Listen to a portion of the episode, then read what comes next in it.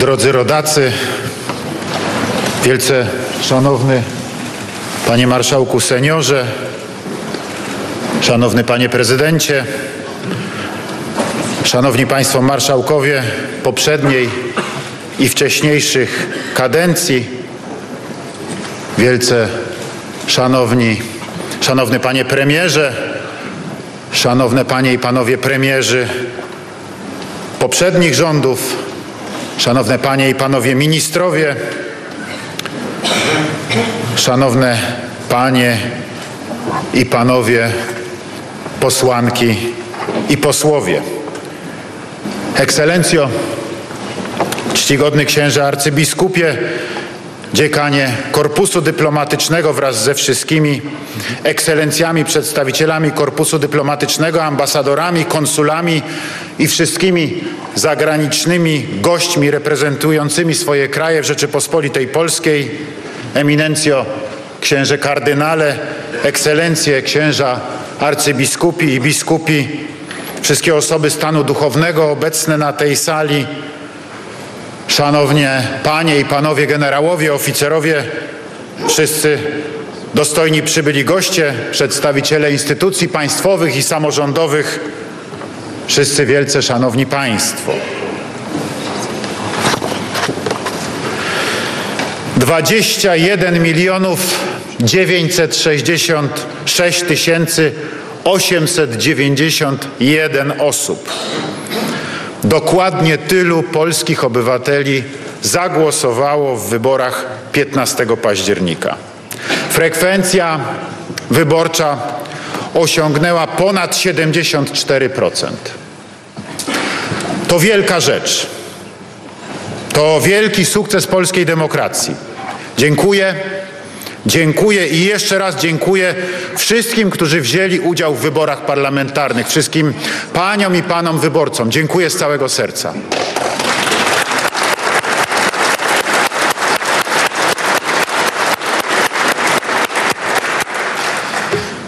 Demokracja w Polsce nigdy nie była tak silna. Jest najsilniejsza bez wątpienia w całej naszej historii. Oczywiście my Polacy w wielu sprawach istotnie się różnimy w poglądach i będziemy się różnić. Prowadzimy często gorące spory i zapewne będziemy je prowadzić, bo taka jest natura demokracji. Najważniejsze jednak jest to, że spory te rozstrzygamy przy urnie wyborczej. I to jest właśnie istota demokracji. To jest wielki sukces ostatnich lat. Polacy ponownie uwierzyli, że ich głos ma znaczenie, że mogą jako obywatele decydować o najważniejszych dla Polski sprawach, decydować o kierunkach rozwoju naszej ojczyzny. Świadczy o tym właśnie rosnąca z roku na rok z wyborów na wybory frekwencja. Już cztery lata temu w wyborach parlamentarnych była wysoka. W wyborach prezydenckich w 2020 roku jeszcze wyższa, a teraz osiągnęła absolutnie rekordowy poziom. A przecież nie zawsze tak było. Wszyscy pamiętamy, jak jeszcze kilkanaście lat temu w wyborach uczestniczyło poniżej 50% uprawnionych. Na polskiej wsi głosowało wówczas zaledwie 36% wyborców. Ludzie byli zniechęceni. Uważali, że politycy ich nie reprezentują, że sami nie mają jako obywatele realnego wpływu na to, co dzieje się w Polsce, co dzieje się w naszym kraju. Dziś jest zupełnie inaczej. Polacy biorą licznie udział w wyborach, niezależnie od tego, czy mieszkają na wsi, w małym, średnim bądź dużym mieście. To wielka zmiana, to wielki sukces, ale to także i wielkie zadanie. Zadanie dla wszystkich Państwa, którzy zasiadają dzisiaj w ławach poselskich zarówno tych, którzy będą tworzyć większość rządową, jak i tych, którzy znajdą się w opozycji.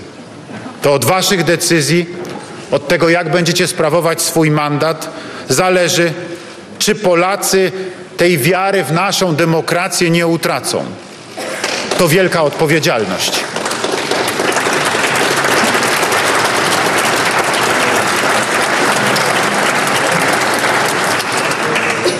Szanowni Państwo, Polska bez silnego, zdrowego, szanującego się i szanującego i szanowanego Sejmu nie może istnieć. To niezwykle ważne słowa jednego z ojców naszej niepodległości, Ignacego Daszyńskiego. To dla mnie wielki zaszczyt wygłaszać orędzie podczas inauguracji jubileuszowej dziesiątej kadencji Sejmu Rzeczypospolitej Polskiej. Sejmu wolnej, niepodległej, suwerennej i demokratycznej Rzeczypospolitej.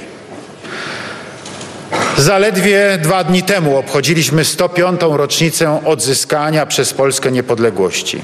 Po 123 latach zaborów, kiedy nie było nas na mapach świata, ojcowie naszej niepodległości wierzyli wówczas, że odrodzona Rzeczpospolita ma przed sobą wspaniałą przyszłość. Niestety nie było jej dane długo cieszyć się odzyskaną wolnością. Najpierw nastąpiła olbrzymia tragedia II wojny światowej, a później długi okres sowieckiej dominacji, kiedy nie byliśmy jako Polska krajem w pełni niepodległym i w pełni suwerennym. Dlatego tym bardziej powinniśmy doceniać ostatnie ponad 30 lat wolności, kiedy wreszcie możemy sami o sobie w pełni decydować. O najważniejszych dla Polski sprawach, o tym, w jakim kierunku będzie się rozwijać nasza ojczyzna. Wielkie marzenie całych pokoleń Polaków ziściło się i spełnia się na naszych oczach. To marzenie jest dzisiaj dla nas wszystkich wielkim zobowiązaniem. Polska jest naszym wspólnym wielkim zobowiązaniem.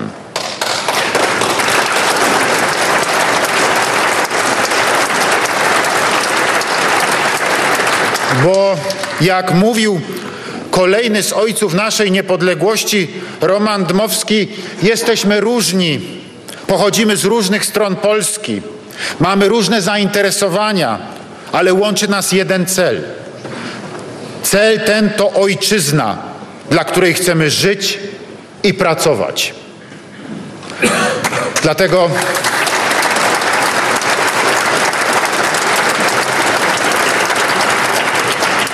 Dlatego z całego serca gratuluję wszystkim paniom posłankom i panom posłom wyboru i życzę Państwu wytrwałości w służbie dla Rzeczypospolitej.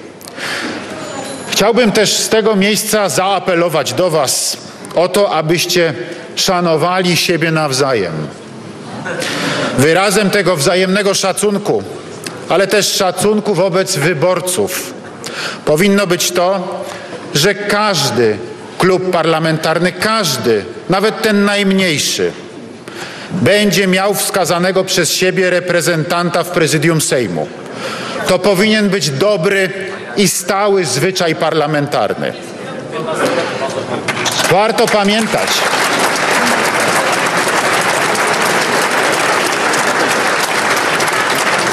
warto pamiętać, że w demokracji jest tak, że ci, którzy dzisiaj sprawują władzę, czy jutro będą ją sprawować, za jakiś czas znajdą się w opozycji.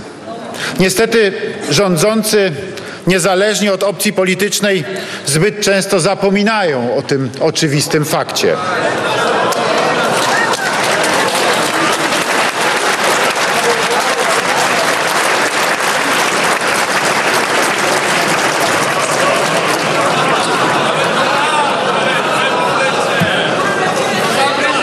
sposób szczególny, w sposób szczególny w tym uroczystym dniu zwracam się do 117 posłanek i posłów, którzy będą sprawować swój mandat poselski po raz pierwszy.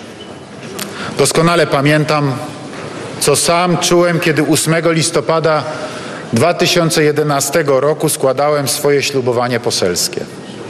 Towarzyszyły mi wtedy wielkie emocje radość i duma, ale przede wszystkim poczucie olbrzymiego zobowiązania wobec wyborców. Wyborców, którzy zaufali mi i powierzyli swoje sprawy, abym godnie reprezentował ich w Sejmie. Uwierzcie mi Państwo, zapamiętacie ten dzień do końca życia, a słowa polskiego ślubowania, które za chwilę wypowiecie, niech będą dla Was drogowskazem. Przytoczę je, bo nigdy wystarczająco wiele razy je powtarzać. Uroczyście ślubuję rzetelnie i sumiennie wykonywać obowiązki wobec narodu, strzec suwerenności i interesów państwa, czynić wszystko dla pomyślności ojczyzny i dobra obywateli, przestrzegać konstytucji i innych praw Rzeczypospolitej. Suwerenność Rzeczypospolitej.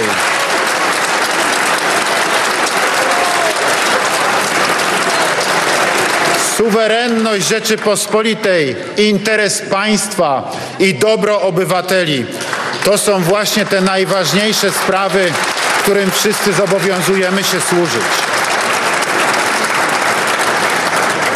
Szanowni Państwo, jako prezydent Rzeczypospolitej deklaruję gotowość do współpracy z nowo wybranym parlamentem. Najważniejszym moim przesłaniem od samego początku sprawowania urzędu od 2015 roku była i jest współpraca i jeszcze raz współpraca w najważniejszych dla Polski sprawach. Drzwi Pałacu Prezydenckiego są zawsze otwarte dla wszystkich, którzy są gotowi taką współpracę podejmować. Dziś zdecydowanie najważniejszą sprawą, która wymaga ponadpartyjnej współpracy, jest bezpieczeństwo naszej ojczyzny. Żyjemy w niebezpiecznych czasach.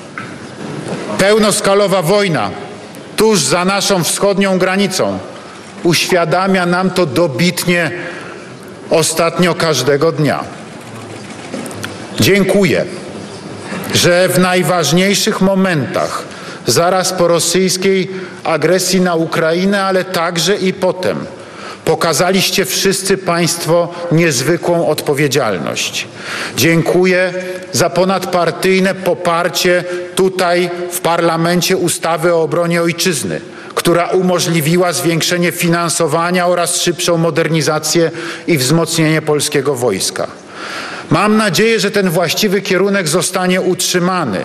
Programy zbrojeniowe będą kontynuowane, a wydatki na siły zbrojne utrzymane na poziomie tych co najmniej 4% produktu krajowego brutto. To powinna być sprawa łącząca dzisiaj i niezmiennie wszystkie ugrupowania zasiadające w parlamencie. Jako zwierzchnikowi sił zbrojnych Ogromnie mi na tym zależy, bo silne i nowoczesne wojsko polskie to najlepsza be gwarancja bezpieczeństwa dla naszych ojczyzny, dla naszej ojczyzny, dla naszych rodaków, dla naszych współobywateli. Szanowni Państwo, musimy szybko wyciągać wnioski z tego, co dzieje się na Ukrainie. Musimy je wyciągać po to, by jeszcze skuteczniej dbać o bezpieczeństwo naszego kraju i kontynentu. Dlatego właśnie pod koniec kadencji poprzedniego parlamentu złożyłem w Sejmie projekt ustawy o działaniach organów władzy państwowej na wypadek zewnętrznego zagrożenia bezpieczeństwa państwa. Ustawy, która reformuje system dowodzenia polskiej armii.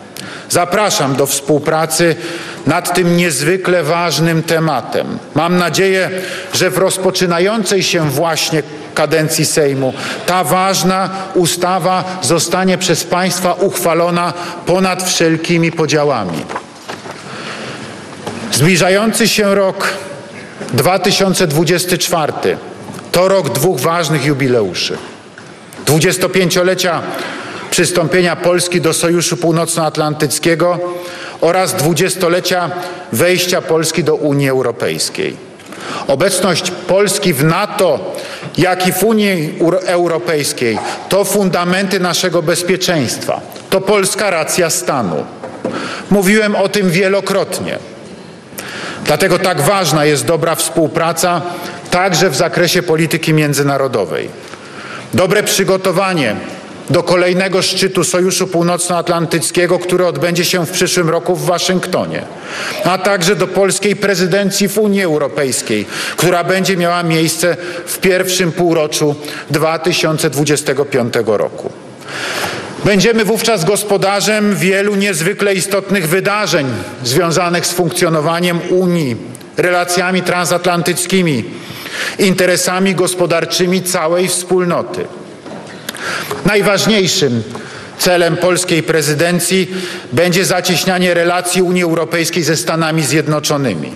Chcemy również dalszego rozszerzania Unii na wschód i południe. Kolejna ważna kwestia to przygotowywanie planu odbudowy Ukrainy po wojnie. Wreszcie sprawiedliwa i mądrze zrealizowana transformacja energetyczna. Już dziś musimy zacząć przygotowywać się do tego niezwykle ważnego czasu. Szanowni Państwo,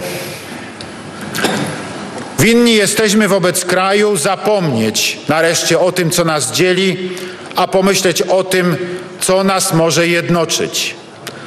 Te słowa wypowiedziane przez wybitnego marszałka Sejmu Macieja Rataja są mi szczególnie bliskie.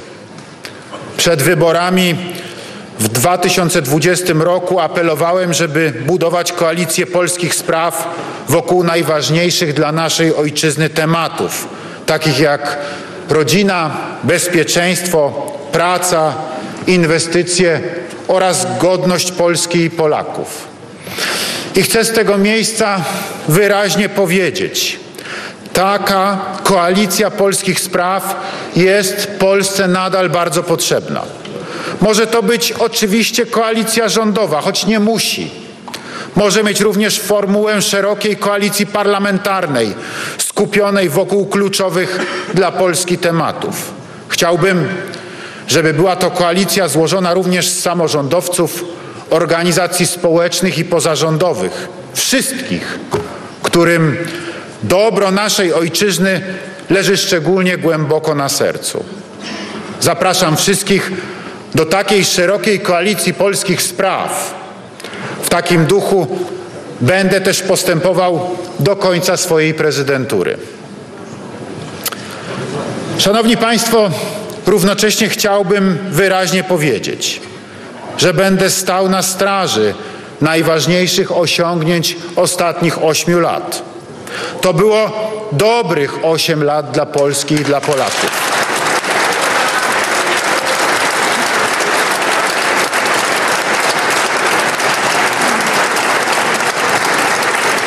To było dobrych 8 lat z bilansem dodatnim, w których mimo dramatycznie trudnych wyzwań, takich jak kryzys wywołany na świecie pandemią koronawirusa i rosyjska agresja na Ukrainę, udało się utrzymać stabilność systemu finansowego, naszej waluty i udało się, co niezwykle ważne, utrzymać miejsca pracy. Dlatego wsparcie dla rodzin, kluczowe programy społeczne 500, a już wkrótce 800, plus, obniżenie wieku emerytalnego, wsparcie dla emerytów i wiele innych muszą zostać utrzymane.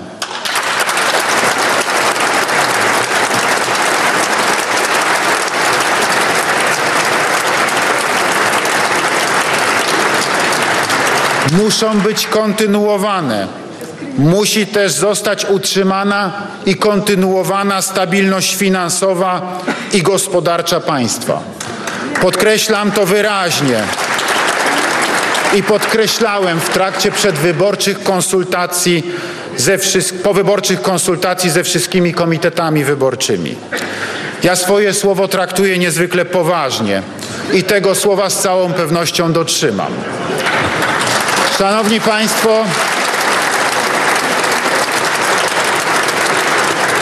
nie zgodzę się na żadne próby ograniczania, podważania czy kwestionowania konstytucyjnych uprawnień prezydenta.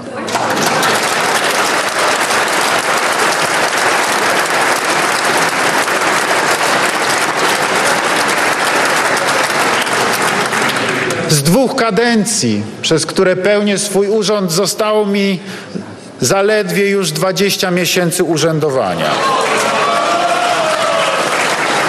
Nie robię tego i nie będę robił więc dla siebie, ale dla Polski i dla kolejnych prezydentów, którzy przyjdą po mnie.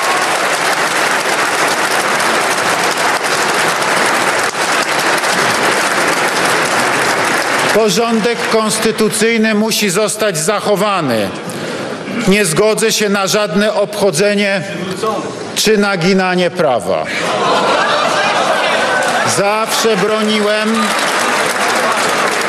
zawsze broniłem i będę bronił dwóch najważniejszych polskich wartości, o które walczyły całe pokolenia wolności i solidarności. Jeżeli uznam, że jakieś rozwiązanie budzi poważne wątpliwości merytoryczne czy prawne, to nie zawaham się skorzystać z prezydenckiego weta czy skierować ustawę do Trybunału Konstytucyjnego. Obóz polityczny, obóz polityczny, z którego się wywodzę, przekonał się o tym wielokrotnie, także w odniesieniu do niezwykle głośnych medialnie ustaw w ciągu ostatnich ośmiu lat. Chciałbym jednak z tego miejsca wyraźnie powiedzieć wszystkim formacjom politycznym. Ewentualne weto prezydenta nie może być usprawiedliwieniem dla niezrealizowania państwa zapowiedzi i obietnic wyborczych.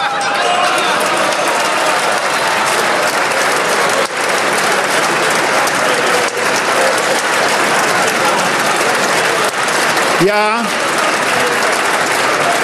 ja swoje słowa traktuję niezwykle poważnie. Wy też macie obietnice, które złożyliście Polakom i bardzo proszę, zrealizujcie je. Najpierw to na tej sali musi paść odpowiedź, czy jest większość wobec konkretnego projektu ustawy. Ja ostateczne decyzje będę podejmował dopiero wtedy, kiedy na moje biurko będą trafiały uchwalone już ustawy. Ale proszę pamiętać, że zawsze, także wcześniej, gotów jestem do konsultacji, jeżeli ktoś będzie miał taką wolę, żeby skonsultować się z prezydentem Rzeczypospolitej. Tak jak powiedziałem, drzwi Pałacu Prezydenckiego są i będą otwarte. Szanowni Państwo, przyszłość ma na imię Polska. Z takim przesłaniem startowałem w wyborach w 2015 roku. Nie zmieniłem zdania. Nadal głęboko wierzę w Polskę, wierzę w Polaków, wierzę w pomyślną przyszłość naszej ojczyzny. Chcemy ambitnej Polski. Polski, która rozwija swój potencjał, która tworzy dobrze płatne miejsca pracy dla naszych obywateli. Polski, która będzie konkurować w kolejnych dziedzinach z innymi państwami. Jednak, żeby się tak stało, niezbędne są inwestycje i niezbędny jest rozwój. To państwo polskie musi dawać impuls, to państwo polskie musi dawać przykład. Wiedzieli o tym doskonale ojcowie naszej niepodległości. To dlatego dopiero co odradzające się państwo polskie które przecież musiało scalić trzy zabory z różną infrastrukturą, z różnym porządkiem prawnym, podjęło się niesłychanie ambitnych wyzwań, takich jak budowa centralnego okręgu przemysłowego, jak budowa Gdyni, polskiego okna na świat. Jak mówił wówczas twórca Gdyni i centralnego okręgu przemysłowego, wicepremier Eugeniusz Kwiatkowski, w tym bowiem miejscu Europy gdzie leży Polska, istnieć może tylko państwo silne, rządne, świadome swych trudności i swego celu, wolne, zwarte i zorganizowane, solidarne i silne wewnętrznie, budzące szacunek na zewnątrz. Czy możemy wahać się, stojąc u drogowskazu, gdzie pójść? Dziś jako Polska Stoimy przed podobnymi wyzwaniami i potrafimy na nie odpowiedzieć. Wybudowana niemal od podstaw sieć dróg i ekspresowych i autostrad, które połączyły największe polskie miasta i wszystkie regiony. Gazoport w Świnoujściu, który rozbudowujemy. Wreszcie odważna i dalekowzroczna decyzja o budowie gazociągu Baltic Pipe. To tylko niektóre z projektów. Warto sobie głośno zadać pytanie, gdzie bylibyśmy dzisiaj, gdyby nie budowa gazoportu, gdyby nie budowa interkonektorów gazowych, gdzie bylibyśmy dzisiaj, gdyby nie budowa Baltic Pipe. Dlatego właśnie Polska musi stawiać sobie kolejne ambitne cele. Takim ambitnym projektem jest budowa Centralnego Portu Komunikacyjnego, który ma być nowym polskim oknem na świat. Tym razem w wymiarze lotniczym, ale również krokiem milowym w rozwoju infrastruktury kolejowej łączącej najdalsze zakątki Polski. Takim ambitnym projektem jest budowa polskich elektrowni atomowych, która istotnie zwiększy nasze bezpieczeństwo energetyczne i pozwoli zrealizować zobowiązania z zakresu ochrony klimatu. Wreszcie takim ambitnym projektem jest dalsza i konsekwentna rozbudowa polskich portów, w tym budowa portu kontenerowego w Świnoujściu. Tych ambitnych projektów, tych ambitnych projektów będę jako prezydent Rzeczypospolitej bronił, będę im patronował, będę dbał o to, by zostały zrealizowane. To dzisiaj rozstrzygają się losy Polski na dziesięciolecia i nie stać nas na bezczynność, nie stać nas na brak ambicji, nie stać nas na podporządkowywanie się. Potrzebujemy inwestycji, ale potrzebujemy też wyzwań, które dadzą nam impuls do działania. Takim impulsem było swego czasu polsko-ukraińskie Euro 2012. Olbrzymi sukces naszego kraju, olbrzymi sukces naszego społeczeństwa ponad podziałami politycznymi, bo ponad podziałami politycznymi to zostało zrealizowane. Zostało uzyskane przez jedną stronę sceny politycznej, a zrealizowane za rządów drugiej strony sceny politycznej i było sukcesem Polski. Wspólnym. Szanowni Państwo, ten olbrzymi sukces naszego kraju udowodnił, to my udowodniliśmy, że potrafimy wspaniale zorganizować wielką imprezę, wielkie wydarzenie sportowe. Takim impulsem może być w przyszłości organizacja przez Polskę Igrzysk Olimpijskich. Nie bójmy się marzyć, ale bądźmy ambitni i realizujmy nasze marzenia. Szanowni Państwo, drodzy rodacy, za nami długa i intensywna kampania wyborcza. Czas walki o jak najlepszy wynik zaciętej często rywalizacji o mandaty poselskie. Któż lepiej niż Państwo to wie? Kampanii zawsze towarzyszą olbrzymie emocje i wysoka temperatura sporów. Tak jest na całym świecie, taka jest jej natura. Polska nie jest tu żadnym wyjątkiem. To czas ostrych sporów i ostrych wystąpień.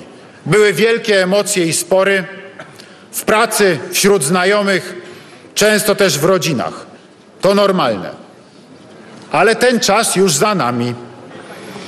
Dlatego tak jak w 2019 roku, tak i dziś. Chciałbym po zakończeniu swojego wystąpienia powtórzyć gest podania dłoni wszystkim Państwu, posłom i posłankom, poprzez symboliczne podanie dłoni tym, którzy zasiadają w pierwszych rzędach tutaj w Sejmie. Niech to będzie symboliczne zakończenie okresu kampanii. Niech stanie się to dobrą tradycją w naszym parlamencie. Tak zaczynajmy każde pierwsze posiedzenie nowego Sejmu. Od podania sobie ręki, nie tylko z prezydentem, ale podania sobie ręki nawzajem. Pamiętajmy o słowach Wincentego Witosa, trzykrotnego premiera, kolejnego z ojców naszej niepodległości. Nie ma sprawy ważniejszej niż Polska. To jest prawda. Nie ma. Nie ma sprawy ważniejszej niż Polska. Niech żyje niepodległa i demokratyczna Rzeczpospolita. Boże, błogosław Polsce, błogosław naszą ojczyznę. Dziękuję.